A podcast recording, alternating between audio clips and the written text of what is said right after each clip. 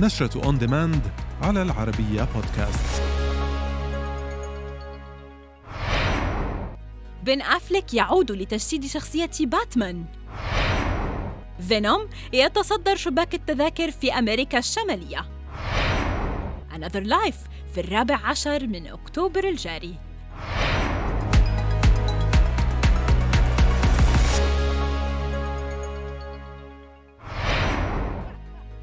كشفت تقارير عن عودة النجم العالمي بن أفليك لتجسيد شخصية باتمان الشهيرة التي اعتاد تجسيدها لفترة في سلسلة الأفلام قبل أن تذهب الشخصية للنجم العالمي روبرت باتنسون الذي يجسد الدور في الفيلم المنتظر عرضه في مارس 2022 ووفقا لتقرير نشرته صحيفة فرايتي فإن أفليك سيعود لتجسيد شخصية باتمان في فيلم The Flash وهو من بطولة إزرا ميلر.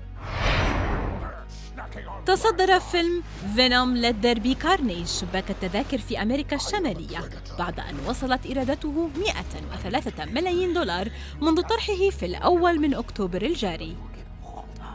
ويستكمل الفيلم أحداث الجزء الأول حيث يحاول الصحفي إيدي بروك أن يتكيف مع مشكلة استضافة جسده للكيان المسمى فينوم وفي سبيل ذلك يواجه خصوما جدد في طريقه. الفيلم من بطولة توم هاردي وودي هارلسون. تطرح نتفليكس الموسم الثاني من مسلسل Another Life في الرابع عشر من أكتوبر الجاري. وتدور أحداث المسلسل عن رائدة الفضاء نيكو بريكنريدج وطاقمها الذين يحاولون العثور على مصدر مركبة فضائية غامضة هبطت على الأرض. وكيف أن الكائنات الفضائية أتوا بسلام؟ لكن نيتهم الحقيقية هي تدمير العالم. المسلسل من بطولة كيتي ساكوف وجاستن شاتوين. أكدت شو تايم رحيل النجم داميان لويس عن مسلسل Billions مع نهاية الموسم الخامس منه.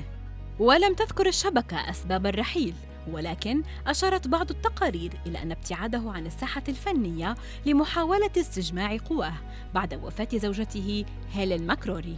وفي الوقت ذاته طرحت شو تايم العرض الترويجي للموسم السادس من المسلسل. وفيه يحتدم الصراع بين المدعي العام رودز والملياردير برنس الذي على ما يبدو أصبح يملك المدينة بأكملها بعد رحيل بوبي. المسلسل سيعرض في الثالث والعشرين من يناير من العام المقبل.